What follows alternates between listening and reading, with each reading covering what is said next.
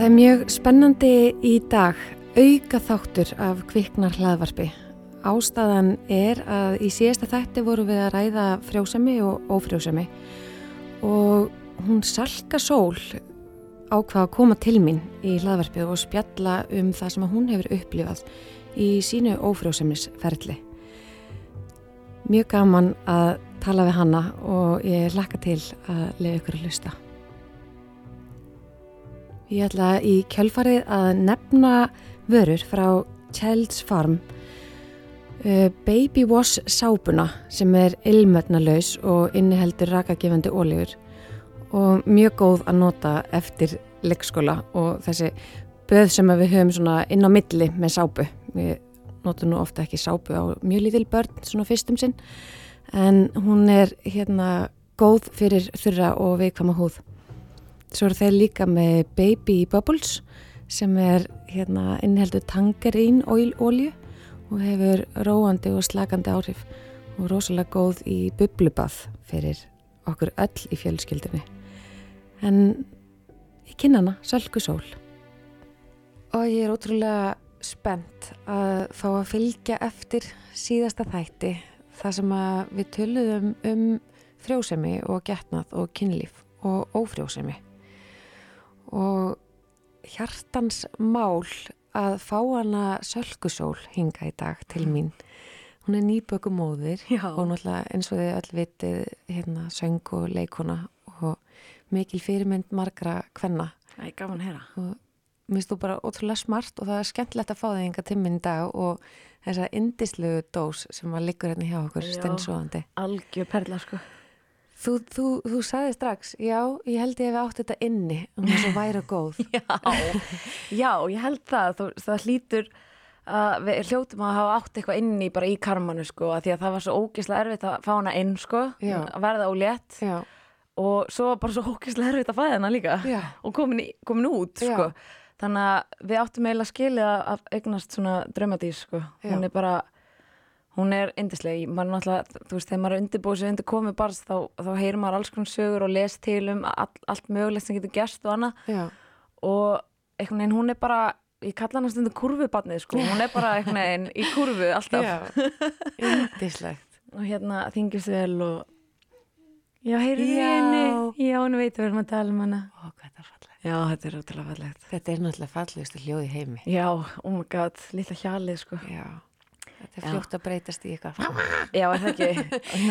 Þetta er fallegt eitthvað. Ég veit ekki hvað, hún er svo ókslega góð núna, hún fær örgulega massífa gelgjustæla eða þú veist, verður erfiður úlingur eitthvað. Já, það er samt haldið, ég, ég er að reyna að hérna, passa mig með þetta þegar fólk hérna, á svona væri og góðböld Mhm. að þá heyrið þið oft sko kannski frá frængu sinni eða, eða frændaði eitthvað, býtu bara ve- veistu hvað, maður heyrir oft býttu bara, Já. bara í öllu þessu ferli. Já, Býttu bara. Já. Ég, ég, þú veist, ég var ólétt, það var alltaf ókslega treykt eitthvað, ég ætla að fara heim að sofa. Já, njóttu þess býttu bara. Já. Það var enda löst að segja við mig. En núna ég er bara vel sofin sko og þú veist, hún sefur á nóttinni og ég sef og, og maður minn sefur og ég, þú veist, ég er greinlega þar að býða lengur. veistu, að því að það, svo, svo bara verður það mögulegt, þannig að mögulega verður hún bara, og þú veist, meina Og ég ætla að reyna alltaf að gera mitt besta í bara allan upp embracea í... það líka Já, Já og svo verður það góð. frábær unglingur og bara, þú veist, geggjað, það verður bara allt saman geggjað hérna eftir Nákvæmlega. af því það er algjör óþar að lifa eftir því Og að það sem er kannski ekki geggjað, um, þú veist, það þarf ekki endilega að horfa það endilega sem neikvætt. Þú veist, auðvitað koma ykkur erf- erfiðleikar, skilju, en þá Einmitt. bara tekst maður á við þá í staðan fyrir að vera eitthvað, að þetta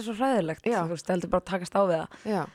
Þannig að, og ég held að allt sem að tengst henni núna, það, við höfum bara verið með þannig hugafar, sko. já, Þú veist, hún, hún ælir óksla mikið. En hún er að þingast þannig að við þurfum ekki að ágjöra því. Nei. En fyrst var, í staðan fyrir að vera eitthvað, þetta er óþólandi, þá Já. bara, þú veist, maður bara dílar við þetta. já, Og líka óksla fyndi, þú veist, ég er algjör sveppurka Mhm. og ég þurfti að sofa gett mikið þegar ég var ólétt og ég bara elska að sofa. já En það er ótrúlega fyndið að allt svona sem tengist henni ef að Arnar er kannski búin að vera með hennar frammi og leiði mér að sofa hans lengur, svo er hann svöng og hann kemur henni inn, bara heyrðu hún hérna unna þarf að drekka, þá bara svona ég bara vakna og ég bara sest upp og ég bara ég er bara vöknuð, það, þetta þarf að gerast, Já. þú veist að kikka bara einhvern veginn öðru sér hugsuninn, Já, þú veist sem að er þetta skrítið? Jú. Einhver önnur hlið af þér Já, maður þarf ekki eins og að hugsa, ég bara Nei. vakna og ég kemur ekki eins og upp í hugan eitthvað, að ég var til að kúra aðeins lengur og ég var hún ekki býða með þess að gefa í smástund eða eitthvað. Það er bara einhvern veginn, já, þú veist, Já. þetta er bara þetta verður bara hluti af manni og, og þú veist, og vandamálin þurfu ekki endilega að vera hræðileg sko, þóttu séu kannski erfið á tímbilið Já, við þorfið. já, það er einmitt svolítið hannig Mm. að En mér langar svolítið að fara þá í upphafið af þessu. Mhm. Þið kynnist fyrir hvað mörgum ára síðan? sko, við kynnumst uh, 2015 Mm. og hérna byrjum bara eila saman bara strax við kynnumst eða eitthvað Já. alveg hérna Já, bara svona eins og við gerum. Já, erum- og þú veist, við flyttum inn saman og vorum búin að búa saman í þrjá mánuði þegar fólk var eitthvað að spyrja ykkur eitthvað, ætlaði að fara að búa saman við eitthvað, "Ha, já, kannski alveg búin að búa saman ógislega lengi en hérna og eiginlega bara frá fyrsta degi sko, þá, þú veist, ég man við vorum kannski búin að vera saman í mánu, þá spyr Arnar mig eitthvað, þú veist, ertu á getnaverðnum, bara, þú veist, þetta hann spyr að því, hann er náttúrulega ma- sem er alltaf að sofa hjá mér, skilur emmitt. og hérna uh, ég eiginlega bara svona róðnaði sko og skammaðist mín pínu fyrir að þú veist, hafa ekki sagt neitt en ég sagði honum bara strax þá bara nei. Mhm. ég er ekki gætnaverðnum að því að mig grunar að þetta sé eitthvað sem ég eigi erfitt með Ok. þannig að því að sko uh, ég er nú bara ekki sérstaklega fyrir getnaverðnir, getum bara orðað þannig. Ég er nú bara svona, ég segi nú ekki á móti en þú veist, ég er, á, ég er, ég er auðvitað með þessu fyrirbæri að maður getur stoppað batningnir en bara þær getnaverðnir sem er bóði eru bara, maður trúir ekki að það sé ekki komið lengra sko. Nei, hérna, þetta er einmitt önnur, þetta er Já. mjög mikilvæg umræða sem þú ert náttúrulega ekki komin til að taka veit ég, en Nei, gott nei. þú tappar inn á það því að hormónarnir sko sem við erum að, taka kannski bara frá 14 ára aldri. og hver segir að það get ekki valdið eitthvað skona ófrjóð sem er líka á annað skilur, þú veist við vitum ekkert um það og, og þetta er náttúrulega bara hvernig réttinda mál út af fyrir sig það er heill þáttur sem þú getur koma aftur í hana því að af því að ég var alveg á getnaverðnum þú veist, þegar ég eignast kærista fyrst þegar ég var 15 ára fór mamma með mig til kvennsjöknumalæknis og, og mér leið bara alltaf illa og mér leið sama hvað ég prófaði þú veist, sprautan og hormonatöflur og, og alls konar, Já. ég bara mér leið alltaf illa Já. Þangað til að ég hætti í sambandi og þá tímann og þá hætti ég semst á getnaverð og byrjaði svo bara aldrei aftur uh, þér- sem er kannski þér ó- mun? óábyrgt já, já, algjörlega Já. og auðvitað er það óábyrgt skilur Já. en, en ég var samt kannski komin á þann stað uh, í þeim samböndum eftir það að það kannski mátt alveg gerast eða eitthvað Mhm. sem ég með feina að gerast ekki en því að mér langar ekki að eiga að bæta með fyrir Nei ah, Sorry með eitthvað. ekki láta þetta vera bara. fyrirsögnin á vísu Ég lofa, ég lofa. Þetta er bara heiðalegt. Já, en, en sko, þannig, svo, svo að því að ég var búin að vera, hvað getum sagt innan gæðslega kærulegs með þetta í svona langan tíma, þá var ég bara eitthvað, heyrði, þetta uh, er eitthvað skrítið. Já. Það í rauninni, eitthvað tíman á þessum tíma hefði eitthvað átt að gerast. Um, þannig að þegar ég sagt byrja með Arnari, þá segja honum þetta og hann bara tekur því ógsta vel ég, og þú veist, við vorum bæði, þú veist, við vorum 26 ára og, og þetta mátt alltaf gerast Mhm. og við fyndum það bara strax með hvort annað skilur að, að við vildum það alveg en vorum ekkert að pæla í batningnum þú veist, fyrsta ári sem við vorum saman en vorum samt alveg bæði mjög opið með það að ef það myndi gerast, það myndi það bara gerast það verður bara gegja Mhm. en við vorum bara, bara búin að vera saman í ári eitthvað þegar við fyrir svona eitthvað heyrðu, mátt ekki nú alveg fara að gerast? Uh, og á þessum tíma þá kannski var ég alveg ógeðslega ég átti mjög erfitt með þetta og ég var eiginlega stanslist að hugsa um þetta að hann sendilega verið að segja honum það því við vorum ekkert alltaf að tala um batningnir þá var ég alltaf bara eitthvað þú veist nú hvernig maður er þegar maður nýbyrjar saman maður, maður er svolítið mikið eitthvað upp í rúmi. Jú, love it. Besti og, tími. já, og alltaf þegar ég byrjaði á túr þá var ég alltaf bara vá hvað þetta er skrítið veist, þetta er og ég var miklu heldteknar að þessar hugsun heldur en hann gerði sér grein fyrir sko. Og ég held að það sé alveg raunin með marga konur bara þóttum að sé ekkit endilega í hérna, stífri dagskrá með það að þú veist reyna eignum spatt þá er þetta alltaf þarna sko. Já. Og þess vegna er ég líka alltaf að hvetja vinkunum mínar sem er ekkit endilega í batningna hugleggingum að láta tjekka á sér af því að þegar þú svo byrjar þá getur bara verið ókslega erfitt veist og, og, og það er svo langu tími allt í þessu ferli er svo langu tími. Bara, já, við fórum þannig eftir kannski rúmlega ár þá fórum við til læknis og segjum bara, heyrðu, við erum, ég verð ekki ólétt eða þú veist, það er ekki að ganga. Ok, byrjum að prófa þessar töflur hérna. Prófa þær í þrjá mánuði og þú veist, þegar að þú prófar alla þessa allar þessar remedíur sem eru til og það er alltaf prófum þetta í þrjá mánuði og þetta í þrjá mánuði þetta, það er bara fljótt að sapnast upp í mörg ár, Já. skilur uh, þannig að ég, ég hvet alltaf bara konur og bara ungar konur bara til að láta tjekka á sér bara, þú veist tala við hvern sjúkdómalækni sinn bara eitthvað hvernig, þú veist, telur ég sé frjó og heldur ég Já. sé frjó og bara vita Já, með meiri fyrirvara heldur en akkurat þegar á tíminn sem þeir langar eignan spann, skilur við og hérna, ég held að það sé alveg Já, ég minna af hverju ekki, bara Mhm. að hérna, byrja þar. Við erum náttúrulega allar hjá hvern sjúkdómalækni já, að bara að spyrja, þú veist, hvert er standið á mér? algjörlega og þú þarfst ekki að hætta og getna þú veist, þetta tengist ekki endilega því að vilja spann akkurat Nei. á þeim tímpúnti Nei. en það er erfitt En að hvert fórst þú, hvert spurðið þú fyrst? sko, ég fór ég var búin að vera hjá sama kvennsjúkdómalækni bara í mörg, bara síðan ég fór fyrst í kvennsjúkdómalæknis Já. og hann taldi það svo sem alltaf að ég væri frjó sko En, hérna, en ég var alltaf með ógeðslega mikla túrverki og þú veist, ég er, með, ég er ekki með endó en þú veist, ég er með blöðrur og alls konar ok. á ekki stökunum en hann lét mig alltaf prófa alls konar töflur og eitthvað og svo ákvað ég að fara að kíkja á annan kvennsingtumanlegni og þá fór ég aðgerð sko út af blöðrum og eitthvað á ekki stökunum Ok, og ég var búin að láta þú veist, og þetta var alltaf eitthvað svona uh, já, ég var búin að láta að ég setja inn í ekki leiðarnar hinsa þá var svona eitthvað blása. já, svona blása Já.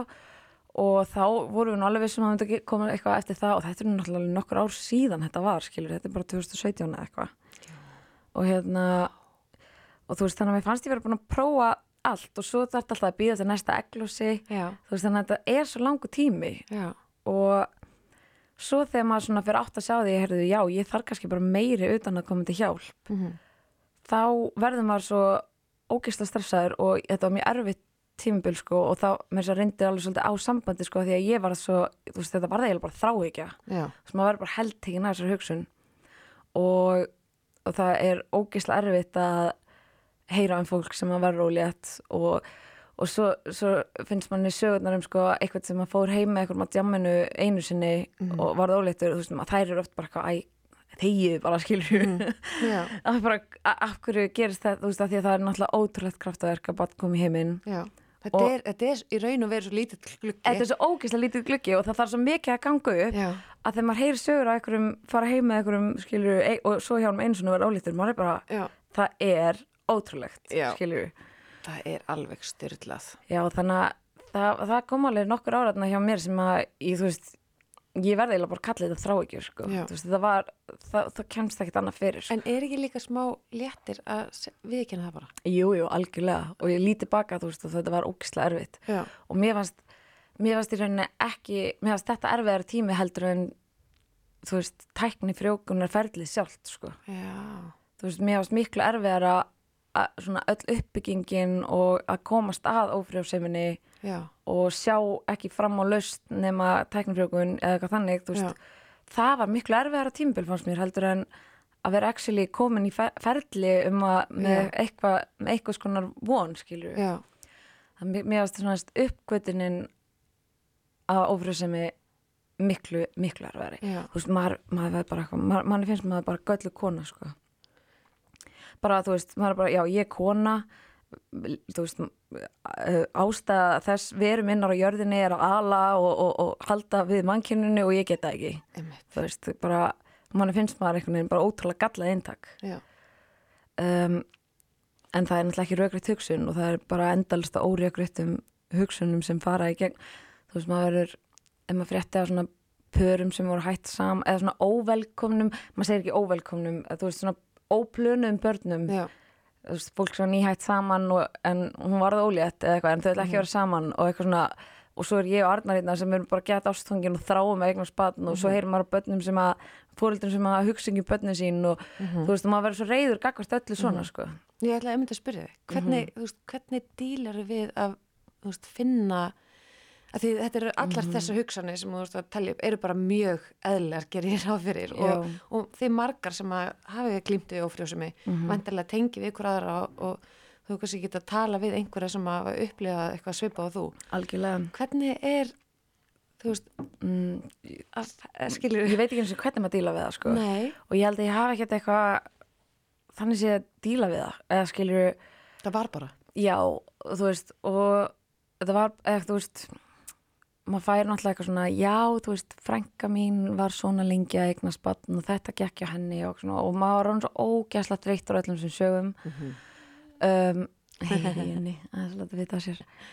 Um, og þú veist og maður segir eitthvað svona, já, þú er bara að hætta að hugsa um þetta og þá kemur þetta og maður er eitthvað, já, ég skal reyna að hætta að hugsa um þetta, veist, og svo er þetta einhvern veginn stanslust myndur á þetta, og svo maður bara fletta blöðunum og bara pamper sögulýsinga eitthvað og og maður bara svona, þú veist, Já. maður er veist, þetta er bara eins og þegar þú kaupir bíl eða eitthvað, þá fyrir allt í einu að sjá alla bíl, svonleiðis bíli út um allt eða eitthvað, Já. þetta er bara einhvern veginn þannig, þú veist, þetta heldtekur hausnaður.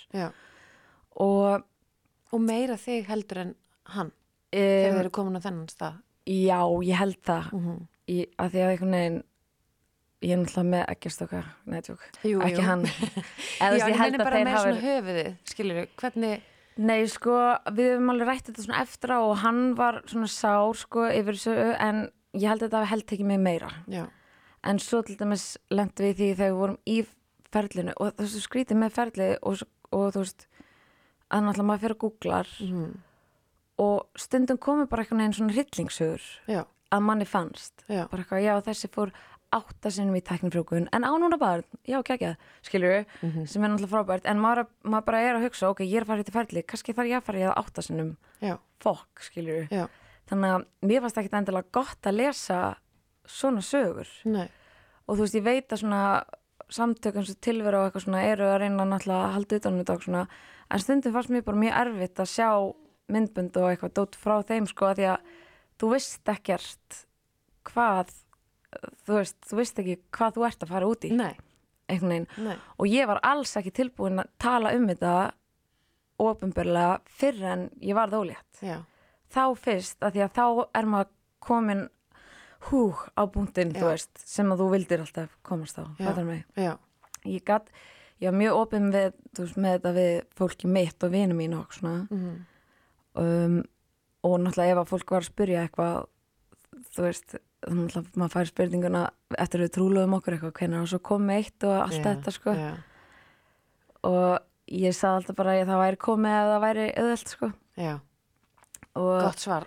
Stoppaði það ekki líka bara stundu fólk svona, já, Jú, algjörlega og var það rosa sorry og eitthvað svona og hérna uh, í staðan fyrir að vera með eitthvað leikrit með það skilur bara, jú, ég kannski bara, eitthvað svona þá sagði ég bara að það væri, þú veist. Já, en líka eftir að ég fór að gera það þá leið mér líka betur með það sko, í Mhm. staðan fyrir að vera einhverjum fyrirleik með það mm. um, og ég gæti ekki tala um það á Instagraminu mínu eða einstað, þú veist, ég, ég meika það ekki af því að ég meika ekki ef ég væri það- ein af þeim sem að þurfa að fara áttasennum í teknifrökun Mm. þú veist, þá bara einhvern veginn þú veist, þá, þá gæti ég ekki æ, það Nei, þetta var ógislega erfitt einhvern veginn en hérna já, ég er búin að fara svo margar ringi með þetta eða hvert er ég komin? sko við erum eiginlega komnar á þú veist, þannig að þið fannst erfiðastur í rauninni tíminn það sem að áður en þið fengu hjálp. Já, það sem að þið voru svona að gera eitthvað til að þú veist reyna að auka líkurnar á Mhm. að getnaður myndi verða. En það er svo mikil óvissa þar. Já, það er óvissan. Já, það er miklu meiri óvissa sko einhvern veginn, af því að og svo er ég til dæmis með óútskýrða ófrjósemi. Já, sem er í rauninni ekki svo algeng? Nei, sko 10%. það, það er eitt af hverjum sex pörum uh, eiga erfitt með eignarspad og 30% af þeim eru með uh, óútskýrða ófrjósemi, þú veist já. þannig að þetta narrast niður náttúrulega. Já, uh, og stundum var það líka bara erfitt. Stundum langaði mig að vera bara, eitthvað, nei, Arnar er bara með latt sæði það sem er erfitt, skilju en það var aldrei neitt, þú veist, ég fór í alls konar blóðpröfur og rannsóknir og, og allir bara allt í góðu, gildinn og allt í blóðu og, og þá er maður bara, hvað er þetta? já og þá, þá, þá fyrir við strax einhvern veginn að já, en Kenna sjálfum efast, efast um sjálfa sér sem konu um svo talaður um hana Mhm. í upphafi Algjörlega og svo var ég alveg búin að prófa, þú veist, alls konar mataræði og hætta að drekka og minga kaffinislu og, og ég var sko í alvörni, ég, ég var í alvörni farin að reyna að redda mér sko frjósemi stittum.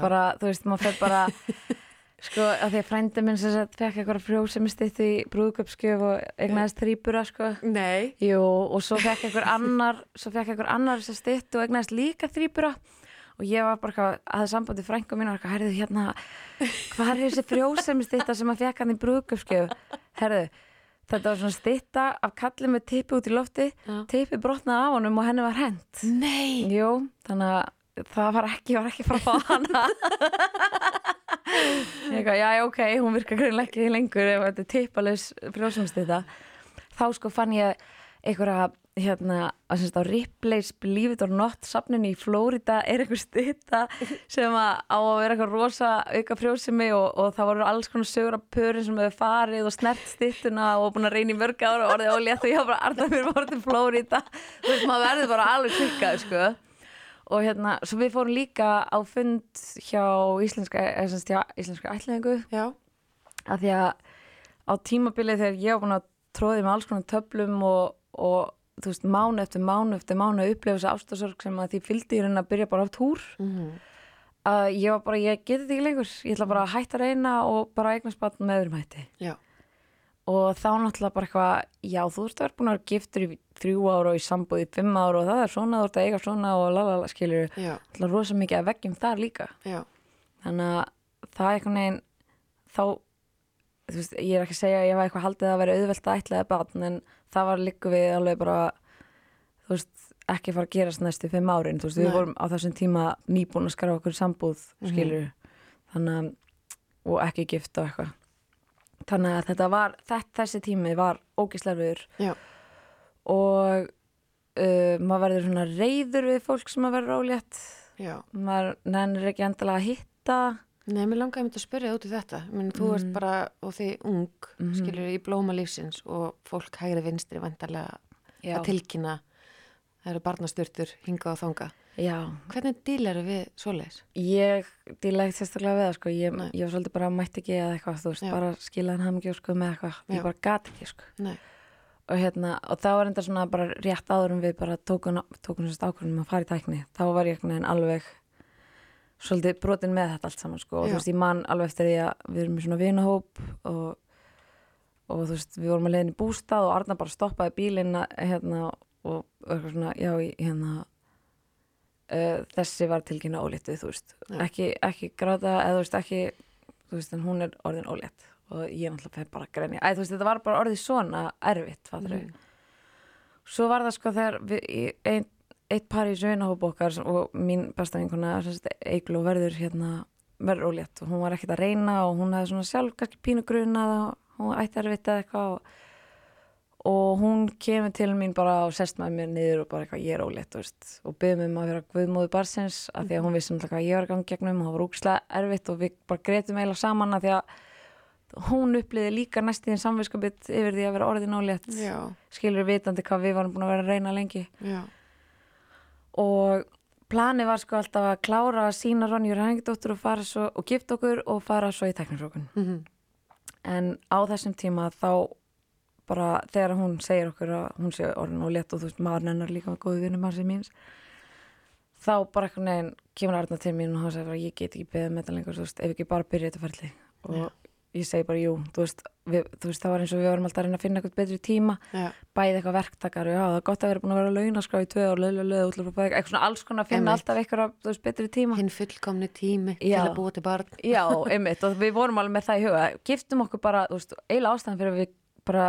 lítum vaða að gifta okkur var bara til að taka hugan af þessu balleysi, sko. Já, Svo var ég náttúrulega bara ólétt og er ólétt á brúkumstægin, sko, sem er náttúrulega ótrúlega fallegt. Og gerði daginn einhvern veginn ennþá fallegri. en það fallegri. Oh, En þá ákveðu semst bara að byrja þetta ferli og náttúrulega kom staði að þetta ferli tekur ekkit eitthvað stuttan tíma, veist, þetta er, þetta er langt ferli. já, í rauninni frá því að þið ákveðið að, veist, ok, núna ætlum við að fá alveg aðstóð Já, við að búa til barnið. já. Já, þá, það, þá er það ekkert bara eitthvað, já, komið hérna morgun og... Nei, það er nefnilega alls ekki þannig, sko. Nei. Og það er þess vegna líka sem ég vil langa svo hvetja konur til að tjekka á frjóseminu sinni Já, eða bara fara og frista ekki sín eða eitthvað, skiljur já, og hérna, þannig að geta allir frist ekki sín og haft þau fristi í tíu ár þú veist, samkvæmt út í sambandi eða ekki þú veist, það kostar náttúrulega smá pening en, Mm. en hérna uh, ég held án gríns að það sé alveg þú veist, ráðlegt að gera það eða þú veist, ef að ef þú ert til dæmis ekki í sambandi en veist að þið langar eitt sem hann eignar spött þá getur þú farið svo tekið og hana sko. Af því að þau verða náttúrulega verri með tímanum og strax Já. eftir 35 já, góð ábending. Já, þú veist, ég held að það sé kannski pínu svona, fólk eitthvað, mm, er það ekki skrítið, en þú veist, það er samt ekkert skrítið, Nei, þú veist, og meiri sé að þið langar ekki eignast börn en færðu fristir ekki en þá getur þess að bara gefið þeim til setna til eitthvað sem þurfa að þeim að halda það. svo er einmitt það. Þannig að, þú veist, ég held að það væri svo geggja sko ef að ríki myndi niðurgræða þetta, þennan part sko að Já. maður geti farið og frist ekki sín sko Já.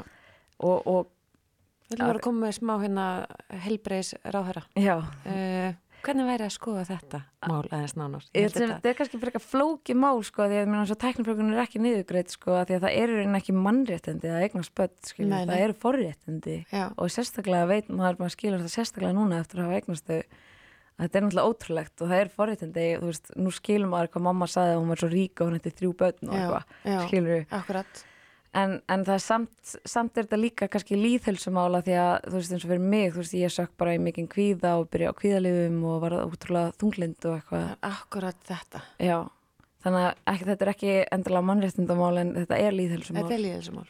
ég myndi segja það Sérstaklega í, hérna eins og ég talaði um í síðustu þætti við hana Helgu að Mhm. við búum bara í samfélagi þar sem við erum öll að eignast börn Mhm. og þá í rauninni verður þetta að sjálfsögum hlut sjálfsögum hlut og eiginlega svona hlut sem að, sem að aðri krefjast að þér. Já. Bara alveg sem þetta. Þú veist, hvenær ætli það hendi eitt barn? já, einmitt, það nú er það næsta skrif sko. Já, samfélagi ætlast til þess af þér. En sko, ég líka bara í sambandi við það sem þú veist að segja, þú veist, eftir ég átti hana þá bara fór ég í kringum mig og ég bara ha, bara hafa allar þessar konur gengið í gegnum við það Já.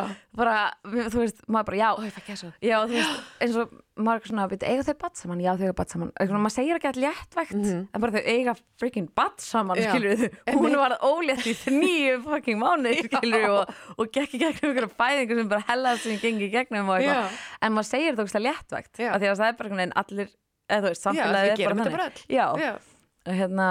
eða eitthvað, já, hún á þrjú börn hún, á þrjú börn, hvernig Já. getur sagt þetta svona auðvitað, eða skilur þannig að þetta er alveg rétt, já. Mjög gott að fá þessa hérna, áminningu. Já, maður fattar þetta ekki eiginlega fyrir maður sjálfur búin að, Já. þú veist, og, svo, og líka bara þegar ég er að lesa bækur og eitthvað svona bók sem gerist í kringum 1900 eitthvað og eignaðist hún, uh, þau giftu sig og eignaðist tvö börn. Ég bara, hvernig er þetta svona léttvægt, sagt svona léttvægt? ég leira allt um hvernig þessi börn eru til og hva, árið 1800, þú veist, hvernig komst þú að mút krakkin? Æ, veist, þetta er eitthvað að tala um þetta svo léttvægt, sko. Já.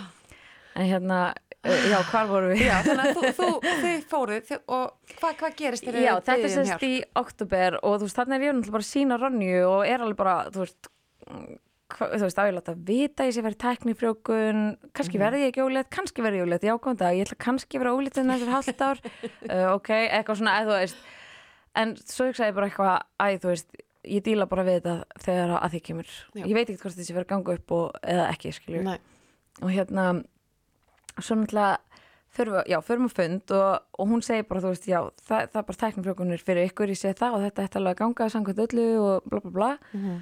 og hérna uh, og það er ákveðin svona léttir sem maður fylgir því. Já, þú veist, já, ok, nú er allavega eitthvað framundan, skilur nú er ekki bara, jú, það náttúrulega er óvissa en uh, þú veist, hún er léttvægari heldur en þessi mörg ár sem maður er að uppgöta ófrúsemi, að því að ég held alltaf nú kemur þetta það var bara, þú veist, þennan mánuðin þá hérna drakk ég ekki dropa kaffi, ekki áfengi borðaði engin kolvetni eða eitthvað Mhm. snerti fimm frjósumstittur og, og hérna við reyðum hérna akkurat á aklósinu Já. eða við, nú lítur það að koma já.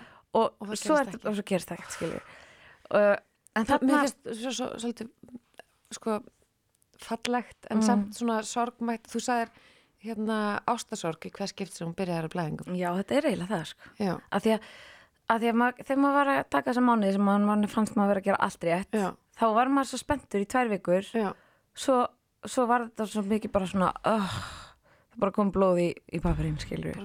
Já. og ég fór ofta að grenja bara þú veist þegar ég byrjaði á túr bara, ég var oft bara að það er einu sinni í mánuði Já, í mörg ár Já. skilur þetta er náttúrulega ekki, og ég anmyndi alltaf ótrúlega reglulegum blæðingum þannig að það var, þú veist það var ekki það, Nei. marga konur sem eru á óreglulegum blæðingum ég verið með þess, það verður óléttar þannig einmitt. þannig að þetta var, einmitt, þetta var ástasorg sko. og hérna, en svo þegar við byrjum í ferðinni þá er minkar pressan að vera alltaf á klukkunni og ég minna þetta, þetta gerir ekkit eitthvað, þetta er ekkit sérstaklega sexy að vera alltaf á klukkunni og eitthvað allt svoleiðis. Nei, og það er ekkit sérstaklega já, og þú veist, ég meiri sé að ég og Arna fórum bara svona eitthvað tíman á, þú veist, eftir að ég varð ólétt þá vorum við bara svona ákvaða langt sem við höfum bara einhvern veginn notið ásta og bara notið þess og það er engin tilgangur Já. með því, eða skilur nema bara njóta. Já, þú veist að að þetta var orðið svo mikið þráekja í rauninni hjá okkur báðum að vera alltaf á klukkun og eitthvað að maður bara glimti því að kynlíf væri líka bara eitthvað sem maður ætti að njóta. Hvernig gekk þetta ekki frá ykkur? Ég, hvernig þá? Bara, veist, Já, já, þú veist, nei, það, það hvernig mm. fóruð það þessu? Já, veist, þetta er ógæslega erfitt, sko, og hérna, maður verður náttúrulega krenki bæði á því að vera á túr og að, þú veist, upplega þetta og eitthvað, en við, það, þú veist, við vorum náinn, en það er samt erfitt að hugsa um þetta tímbil, skiljum þú veist, ég, æ, þú veist, ég fór bara, æ, ég ætla bara út að hitta vinkonum mínar, eitthvað svona, æ, Já. skiljum, maður var bara svona, mm það var, þetta var erfitt tímbil og ég, ég, það er nóg mikið vinna að vera bara í sambandi. já, sem maður þarf að viðalda, skiljum Já, sem er að viðhalda ástinni. og þú tekur einhvern veginn kynlíf út úr því, þú veist, þe- við erum náttúrulega stundum kynlíf, en, en það var eins og það væri komin annar tilgangur með Já, því, skilur já. og, og það var einhvern veginn erfitt að, já, þannig að ég, ég bara skil alveg vel að þetta hafi það mikil áhrif á sambönd að þau ganga oft ekki upp, sko, eða þú veist, En þið eru kannski bara svona eitt af held ég mörgum dæmunum mm sem ég hef líka heyrt gegnum Instagram og svona sem að þéttir fólk. já, það, það er algjörlega orðið þannig núna, Já. en svo, svo var þetta, þú veist, mér fannst ég vera, ég var alltaf bara, já, ef hann var bara með eitthvað annar, af því hann langaði svo ógæsla mikið að eignast barn Já. og ég var alltaf bara, já, ef hann var bara með eitthvað annar konu þá var hann búin að eignast barn og Já. þetta er allt mér að kenna og ég er að, ég er, þú veist, hérna, að stoppa hann frá því að stopna fjölskyldu og eitthvað svona þannig, af því að hann fór náttúrulega í eitthvað sæðisrannsókn og, og þú veist, var með eitthvað ofur sæðisframleyslu og ég bara, já, great, Já, eitthvað, þú veist, frábært. frábært, ok, bara aðeins mér hérna sönnum fyrir því, þetta sé ég Já. eitthvað. já, það er svona, meðaltali er 11 miljón, þú ert með 30 miljón, eða það var eitthvað svona, ok, eitthvað hérna, en svo, svo byrjuðum við að tala um sko að við værum að díla við ófrjósemi það var alveg gott fyrir okkur og hann, þú veist, hann sagði alltaf þú veist, já, við erum ófrjó. Þú veist, við erum að díla við ófrjósemi Ok, þetta er til dæmis eitthvað sem að mér finnst vera gullmóli Já. fyrir fólk sem er að því að gegnum því ef að maðurinn var alltaf hún er ófrjó, skilur þá er, það, þetta alltaf högg á þig. Já, það er nógu mikið sjálfs sko, einhvern veginn skömmin og efin Já. þó að fara ekki að bætast þannig ofan á. Algjörlega og ég mæli alveg með því fyrir pör sem eru að taka það bara upp í orðræðinni þú veist, Já. Fyrir það sem eru að tala um og líka þegar þið eru að tala um þetta ykkur á milli. Já, og þú veist, hann var alltaf þegar ég tók ykkur grenikost, þá var hann alltaf bara nei, þú veist, við erum að gera þetta saman skilur, Já. við, þú veist ég, við erum Já. ófrjóðsum, Þetta er við, okkar. já, þetta er okkar Já. skilur þannig að, því að hann var ekkert að plana, hann langaði ekki eignast bara eitthvað barn, hann langaði eignast barn með mér emmitt þannig að hérna uh, ringi pabbi, hann er að fara að passa eftir sko, hann, hann dýrkar það fyrsta barnafatt sko, og pappa Indislegt en hérna, já, þannig að það, það svo orðræða hjálpaði mér alveg mikið. Já, um, svo þegar við byrjum í ferlinu þá, já, líður okkur einhvern veginn betur og svona en rosa spenna og þú veist við fyrum ég á fundi í oktober og þá finnst mér einhvern veginn þetta ferli byrja þú veist þegar ég verð svo ólétt þú veist þá leiði mér svo ég væri búin að vera ólétt í sjömánuði Mhm. þú veist bara því ég pissa á prófið Já. að þetta búið svo langt ferli. Já, og hérna og það er náttúrulega eitthvað, já þetta tengist allt tíðarhingnunum og bla bla bla og þú ert að vera þannig að funda og þeir eru að prófa þetta og la la la skilin þessu, blóðpröfu þarna og eitthvað. Þannig að í rauninni var það ekki fyrir í mars sko sem að við fyrir í uppsetningu. Ah, þú veist þetta er alveg langu tími. Fyrst var maður bara að funda og segja bara hæ við veitum ekki alveg en við getum ekki einhvers bann ok, byrjum þar, já, skilur við uh, en svo gerist það sem að ég tek bara rosa vel við allir það var þú veist, þetta er líka allt tengt tíðarhingnum þannig að, þú veist, ég er þetta að fylgjast með og ég láta vita og senda mail ég byrja túr þarna og eitthvað svona. Mhm. og hérna já, ég byrja semst að sprauta mig í februar og þetta er svona, þú sprauta það í magan til að auka ekkjaframlislu og svo sprautar annar sprautu til að halda ekkjunum sínum stað. Mhm. svo þú fara ekki bara ekki og svo þetta til útskilur Mhm. og hérna, þetta leggst rosa mismöndi í konur. Sumar konur fá ofurvum sumar taka ekki við þessu, framlega ekki. Sumar bara, þú veist fá, uh, þetta gerir bara það sem þetta á að gera og ég tók bara ótrúlega vel við þessum sprautum og, og það sérst náðust átta egg hjá mér ok, en þú veist, það getur líka alveg verið að sumar, sumar konur bara fá bara tvö egg og þá fara þær ekki eins og þá ekki inn að sækja eggina því að það er bara ólítið, skilju já. hvað er svona eitthvað mm, Gott, sum- hvað er lámark, hvað er átta egg er algjört svona meðaltal og bara Ok. mjög gott en Já. svo til dæmis veit ég um eina sem fekk 17 egg og það var bara erfitt að því að það var ofurvun og það Ah. getur líka verið vesen sko Einmitt, þetta er ógæsla flókið sko. Hérna en, en það einhvern veginn gekk allt svo vel í öllu ferlinu í tæknifjörguna ferlinu Mhm. nema að það, sérst já þau sækja átta egg það frjókast fimm sem er svona aðeins undir meðallægi en, en fínt. Mhm. og svo eru bara sem sagt uh, þrjú sem ná í fristi. Þú veist þetta er náttúrulega ótrúlega tæknilegt og ég veit ekki nákvæmlega hvað fer hann fram á þessari tilhörnustofu en sem sagt þrjú sem ná, í fristi. Já. og maður er eitthvað svona ok, það er, það er alltaf fínt þá getur farið í þrjár uppsetningar. Nema það er alltaf eitthvað sem getur gerst. Og svo sem sagt var fyrsta, svo átti ég bara í uppsetningu hérna á þriðdegi klokkan eitt eða eitthvað. Mhm. og náttúrulega maður er trillast úr spenning og ég get aldrei held ekki, ég segi alltaf öllum allt sko. Og hérna og ég var eitthvað búin að segja öllum að ég væri að fara í uppsetninguna þú veist, öllum vinum mínum og okkur svona. Mér varst líka bara gott að tala um það. Hérna uh, og þá er semst fyrst að tekið úr fyrsti en það lifir ekki afþýðinguna af. Ó, og svo er næsta tekið úr, úr fyrsti og það gerist ekki heldur. Ó og það verður bara eitt eftir þannig að þarna á sem þriðið þá ringt fæ ég bara mist call frá Livi og kljóðan 11 og ég bara, þú veist, hafði vaknað kljóðan 7 og búin að fara í styrtu og bara gæði þetta rétt í þetta skilur og ég bara, já já, nú á að fara að serða mann bara skilur Þetta er svo rómó. Já, þetta er svo ógislega rómó sko. og svo ég segi bara mist call ég bara, mm, ok, óþægilegt takk fyrir mist call. Og ég ringi tilbaka og þá segir hún sko mér frá því að, að það hafi þessi tvö sem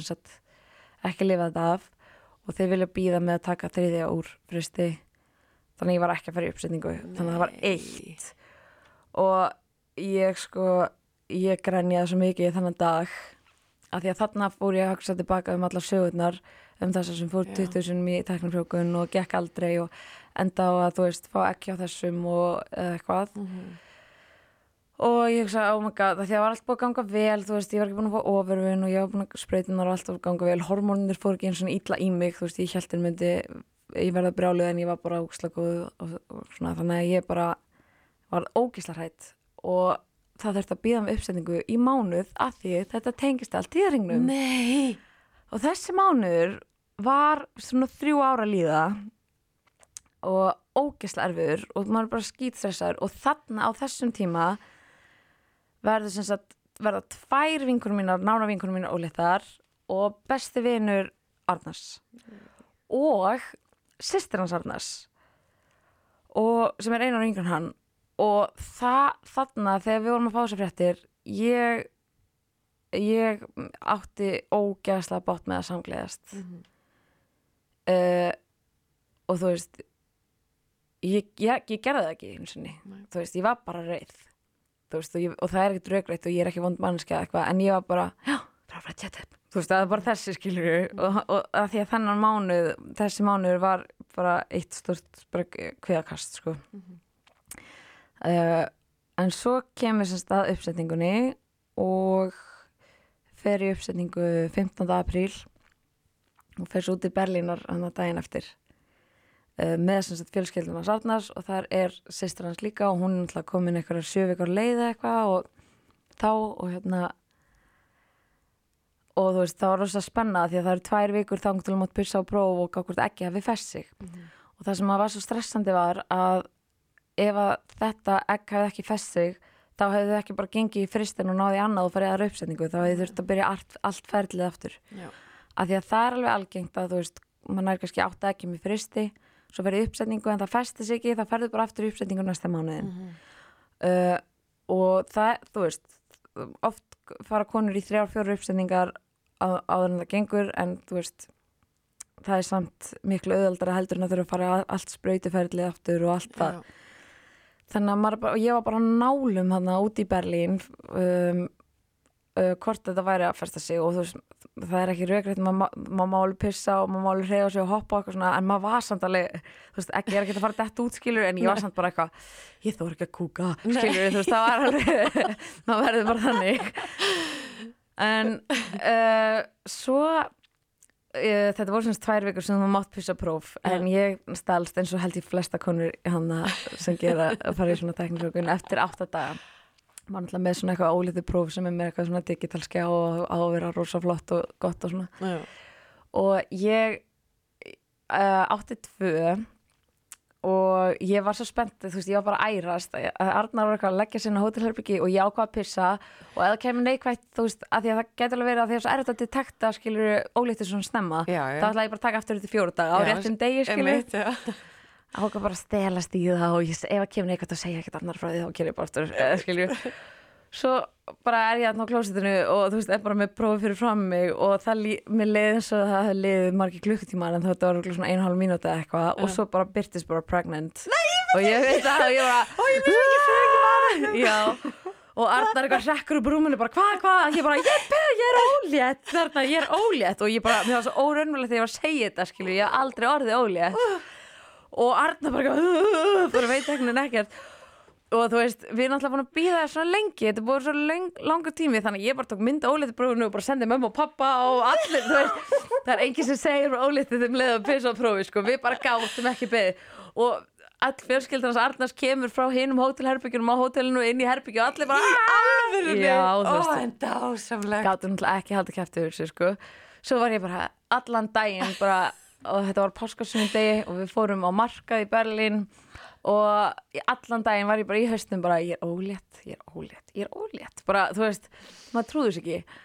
Stórkostlegt. ég veit það. Og þú veist, þetta eina egg þetta var eina Já. eggi, það var ekkert í fristi og það eina egg situr hérna við hliðina á okkur núna sko. Og hérna já, elsku yndi. En hérna svo, svo náttúrulega eh, við tekur sko tólvikna kvíða uh, ofsakast.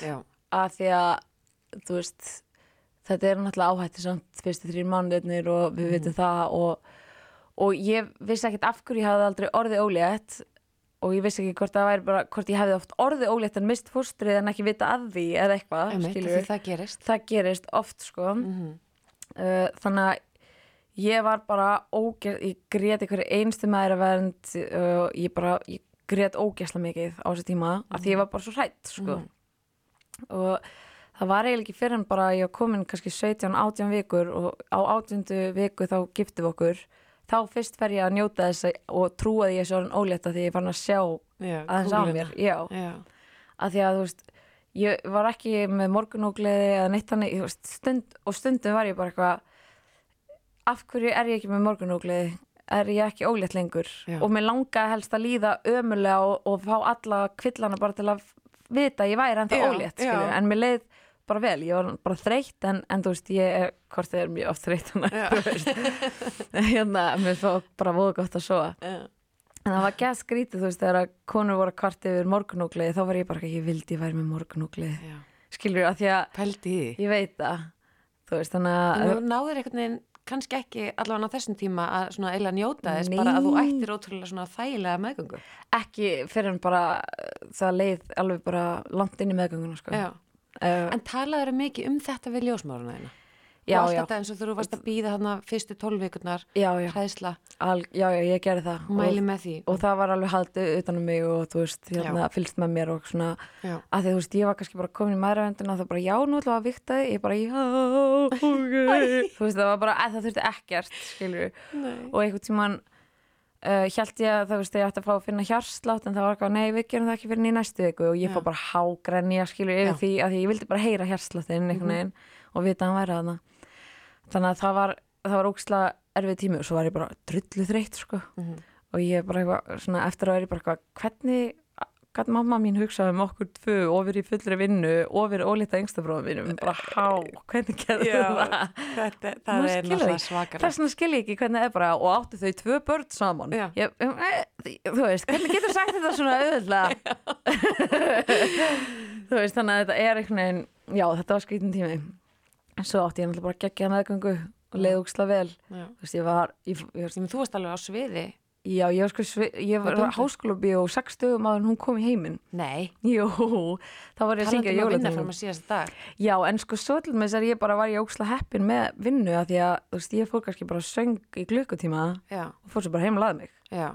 En, en þú veist, ég var ekki mæti vinnu klokkan átta alla daga og vera til fjögur eða eitthvað þannig. En ég gatt alltaf, gatt alltaf unnið að því ég fekk svo góða kvild inn á milli sko. en, hérna, en fólk var með alltaf svolítið alltaf eitthvað að segja um mig eitthvað ertu ennþá að vinna? Ég eitthvað svona, já, þú veist þú kannski gerir ekki grein fyrir hvernig vinna mín er Nei, þú veist, ég get þetta alveg. Já, og þú stjórnar þessu líka sjálf. Já, algjörlega og þú veist, ég afbóka alveg eitthvað jólatónlinga fyrir norðan og eitthvað þannig en þú veist, svo söngi ég á tíu jólhaðborðum að því að ég fór bara, þú veist, ég var bara náttfötunum allan daginn, klætti mig svo í glimmergalan söng á jólhaðborðu og fór heim aftur í náttfötun já, en þú veist, það, þá er ég samt búin að vinna þú veist, já. mér Mér, er- mér finnst bara að fólk verði að bera virðingu fyrir þessu að, sko, mér finnst mi- viðmiði vera ég er svolítið hérna hliðarlinni auði í jókanu, ég veit ekki hvort það hefur farið Nei, ég til fór hennar. reyndar ekki. Nei, að hérna, hún talar um að, að sko, konur er hætta að vinna allavega síðastilega 37-8 vikur til Mhm. að kvíla sig en ég á til dæmis vinkonur sem að hafa unnið fram á síðasta dag. Mm, og mér finnst að sko almennt viðmið við ætti að vera já, þú ert að kvíla þig síðustu vikunar fyrir bara til að krafta í fæðingunni Já. og kraft í þessar fyrstu daga og vikur. En ef að þið líður þannig Já. til dæmis eins og þú, ef þú ert í þannig vinnu að þú getur þetta, þið langar þetta og þú ert fær um það algjörlega. að þá á þér bara að líða vel með það. Og svo líka, þú veist, þessi, ég er náttúrulega eins og segi, ég var, mér, ég var svona átt svona fíla meðgöngu að því ég var ólétt í þrjú ár. Jú, jú. Þú veist, ég er bara alveg með þá hreinu. En hérna, og þú veist spenningurinn, þú veist, ég var bara komin 16 vikur og ég var bara hvernig á ég að býða já, skilur, hvernig á ég að vera í hérna 20 okkar vi, vikur í viðbútt þegar deg og spenning, skilur þannig að mér varst alveg gott líka að hafa eitthvað fyrir stafni veist, og, og vera að gera eitthvað sem var skemmtilegt, veist, eins og syngja og, og þannig, og hérna, það bara veginn stytti byðina, sko. Já, akkurat. Þannig að ég bara mjög, þú veist, fein að ég gera það og mér leiði vel. Mm. og svo varst mér líka eitt í þessu að þú veist, það á ekki ákveða fyrirfram fyrir okkur, eins og ég var hann búin að bóka tíu jólabörð á Hótel Sögu. Mm og þá er ég eitthvað, spurði eitthvað þú veist, er, já, þú getur náttúrulega ekki gert það þú veist, þú ert að eiga þarna í, þú veist, lok desember og þetta er í desember, ég eitthvað og það er júni núna og ég eitthvað á ég að fara að ákveða það núna minnst þetta líka bara hvernréttindamál skilur að hérna, ég á að geta skip, ég á ekki að þurfa að skipilegja allt líf mitt og, og alla, þú veist, fram, svona fram í tíman búin að ákveða það að þetta, mér líður svona þá. Einmitt. þú veist, ég, það ætti bara að vera mín réttindi að ég geti bókað mig bara eins og ég myndi bóka mig Já, en taka ákvörðun um það þá hvort mér líði betur eða ekki vákvæði sammálusu Þetta veist, er frábært það, er, það er alveg þannig og þú veist, ég á að fá ákveða það sjálf en ekki sá sem bóka mig eða sá sem ræði mig í jobbi. Veist, og, og ég á að geta sagt eins og þú veist, hérna gautið að maður ákjöra því að því ég ætla að syngja hérna 23. desember og þá voru sjö vikur í settan, dag- nei, sjö dagar í settan dag. Já, hann bara, viltu ekki hætta við þetta? Ég sagði bara nei, þú veist, ég vil gera þetta en ég vil samt eiga rétt á því að segja nei ef að ég geta það ekki, til mig ekki geta það þá. Og þá á bara að vera skilningur fyrir því, skilur Já. að nei, hún getur það ekki út af því að já, en svo ef ég hefði planað eitthvað, nei, ég ætla ekki að gera það og svo kemur dagurinn og ég eitthvað, heyrðu, mér langar, ég hefði alveg geta gert þetta þá var ég ekki að leið yfir því og það er líka tekið tap, skilur já, þannig, þannig að veist, það, það finnst mér líka alveg punktur í þessu, sko veist, það, við fáum bara svolítið að ráða í sjálfar og við fáum þennan við fáum þennan sagt, að njóta af afans Mhm. mm og hérna og fáum að afbóka okkur eða sleppa ykkur ef að það kem, eða skilur já, þetta er bara eins og myndir eitthvað, já, ég er að, langar að vera ólétt og þú, þá máttu ekki plana neitt sem gerist eftir ár, skilur eða Já. þannig þetta er nefnilega máli með sko, hérna það er náttúrulega ólulegt til dæmis að spurja konur, ég meina ég aðeinu viðtölum og eitthvað svona allar að eiga fleira börn eða eitthvað svona, já, já, já, að því að við erum náttúrulega þetta, þetta eins og þú segir, þetta er jafnrættismál þetta er kvenréttinda mál mér finnst það sko. með barnegnir og, og, hérna, og atvinnu og náttúrulega ástæði fyrir að við dettum inn og út af vinnumarkaði. Mm og náum ekki jafn hátt í stöður og annað sko. Þannig að þetta er, þú veist, þannig að ég rauninni langaði mig ekki að plana neitt uh, út frá því ég var ólétt. Þetta er bara alveg eins og ég let vita í leikusinu já, þú veist, ég er ólétt ok, við ætlum að halda áfram með Ronny á næsta ári um, og ég sagði bara já við, við Mhm. gerum það bara. Og svo, svo var sem sagt, það, alltaf í samræður náttúrulega við mig og, svona, og ég sagði bara já við öllu. Uh, og það voru ykkur nokkra sýningar þarna og svo áttu að vera einn dagar þar sem voru tvær sýningar og þá er ég náttúrulega og halva mánu að leiða eitthvað. Og ég fann það bara þá og það var þess nýstelpa að fara að taka við að mér og ég fann það bara, ég get sínt einu sýningu en ég treysti mér ekki í daginn sem eru tvær sýningar Nei, þá var því síndur skilningur skiluru já, en, en ég, að, þú veist, það hefur verið svo farnlegt að við höfum ákveða fyrirfram já að skilurðu. akkurat að þá var bara tekist á við það mál þá þegar það er að kemur Já, þannig ég, ég treysti mér einu sýningun, ég treysti mér ekki í setni sýninguna. Mhm. Þá bara, ok, þá kemur stelpum bara fyrir inn, mm Þannig að þetta, þetta þarf að vera skýrt, Já. skiljur, að við fá- fáum að njóta á hans, sannarlega, sannarlega sannarlega. Ég ætla að hérna bara að sleppa þér Þú varst að fara, að því mér langar líka að tala um fæðinguna þína og svo langar maður að tala um hérna lífið með barni við þig Ég hef alveg smá tíma í viðbót, ok. sko. Það er alltaf leið. Viltu skjóta þinn eða viltu koma aftur setna? Uh, sko, ég get alveg komið aftur hérna, ég hérna náttúrulega get blara um þetta endalust. Veist, þetta er náttúrulega, eins og maður segir, þetta heldtökur svolítið lífum hans. Og mm, ég held að svona kannski ráðið mitt til fólks uh, sem er ekki að gangi gegnum tæknifrjókun eða, hefur, eða er frjótt svo er maður líka alveg pyrraðar á liði sem er, er svona ógæsla frjótt. Og er bara, má ekki horfa á maka sem það var ólétt sko. já þú þóli mig ekki. Eins og þú, ég ætla að það er tjók hérna, Nei, alvöru, Nei, ég skil þessum það bara mjög vel. sko. Ég skil það bara mjög vel. En svo sko, svo er allir með sögurnar tilbúnar fyrir þið sko og ég var að byrja að segja á tímfæli bara ég nenni ekki að heyra söguna frá frænda bróðins eða skilur Nei. bróðið frænda eins eða eitthvað þannig að Þetta er svo, þetta er svo gott Já. Endilega, að því að, að ég, ég vil eiga upprefa við að þessari samræðu skilur Já. og ég vil geta sagt mína sögu og þú veist, þú trúir því ekki hvað, þú veist, ég og Arnar hlægjast þetta maður að við erum búin að heyra svo oft söguna því að þessum eina sem fór í tæknifrjókun og eignaði svo eitt hérna bara alveg, þú veist, hérna náttúrulega. Já, ég er búin að heyra þessa sögu svona átján hundru sinnum, Já. skilur þannig að þegar eftir hún fættist þá var ég eitthvað, Arnar þarf ég ekki að fara að pæla í getnaðverð jú, af því að ég þekki nefnilega konu sem fór í tæknifjókun og átti svo eitt bara náttúrulega þú veist, maður er bara að heyra þetta svo ógeðslega. Og stundum þegar fólk er að segja mér þetta þú þá er ég bara, já ok, emmitt þú veist, eins og Já. Þú veist, eh, svona, ég er búin að heyra þetta jafnóft ég er búin að heyra, þú veist, heyri salka valka eða eitthvað þegar ég var lítil, þú veist, þá halda allir að segja manni það í fyrsta sinn. Já.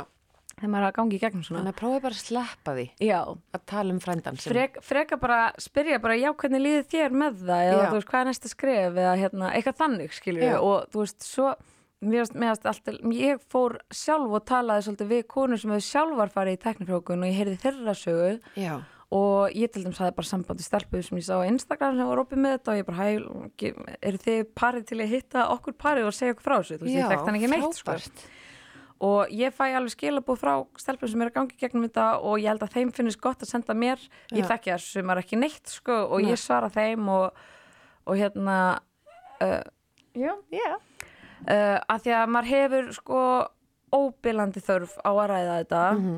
en maður nennir ekki að heyra söguna af einhverjum fjárskildum skilur og hvort sem það er hryllingssaga eða ógisla góðsaga mm. skilur, að því maður veit ekkert hvað maður er að fara út í sjálfur þú veist, ég Nei. veit ekki hvort að ég sé góðasagan eða hryllingssagan það eru jafn margar sögur að þeim báðum Mhm. þú veist, þannig að sleppi bara þeim og, og ég veit núna, þú veist ég á vinkunni sem er að gang, færa gegn þetta ferli og hún sækist mikið í mig og, og mér er bara mjög gott að geta verið staðar já, þetta er svo lítið femnismál sko. Þetta, þú veist, þetta, þetta er bara, það er bara svo ógeðslega geggja að þessi tækni sér til. Já, ég er ofta eitthvað að djóka við sko Arnar að því ég er náttúrulega endaði sko í bráðakeisara. Það var ógeðslega erfitt að fæða hana já, og ég var eitthvað, saði hann um daginn eitthvað, já, pældi ég ef ég hef, þú veist eignast hana í ganlanda þá ég er eitthvað dá í basbyrði svo er eitthvað, nei, ég hefði náttúrulega aldrei orðið ólétt þannig að ég hefði ekki dáið í basbyrði þannig að þú veist, Það má alveg þannig að það er gott að sjá alls konar góðar og skemmtilegar hlýða við þetta. Já, svo, svo þú veist, mann ég, ég maður að pörum hvað, já, þau eignuðist aldrei batn og þú veist, það var einhver ein kona sem var eitthvað, þú veist, hafði aldrei eignast batn og var eitthvað uppsest yfir einhverjum garðálfum og garðverkum og málaði það og raðaði þeim í garðin sem ég bara, fuck, ég verði þessi skrýtna kettling sem gæti ekki eignast batn en skilur, þú veist, þegar náttúrulega batnleysi getur haft ótrúlega djúbstæð og erfið áhrif á einstaklinga. Já, og í gamla daga þá var ekkert hægt að gera við því nema uh, um þetta Nei. ætliða skilur sem Já. er náttúrulega frábært en svo eins og var það nú ekki eins og kostur nei, þannig að það bara þessi tekni sér til er bara indislegt sko Við erum, það, við erum þakklátt fyrir tekna bæði við að búa til börnin og koma þeim út. Já, Og við getum verið almáttugur. sammála um það, þú og ég.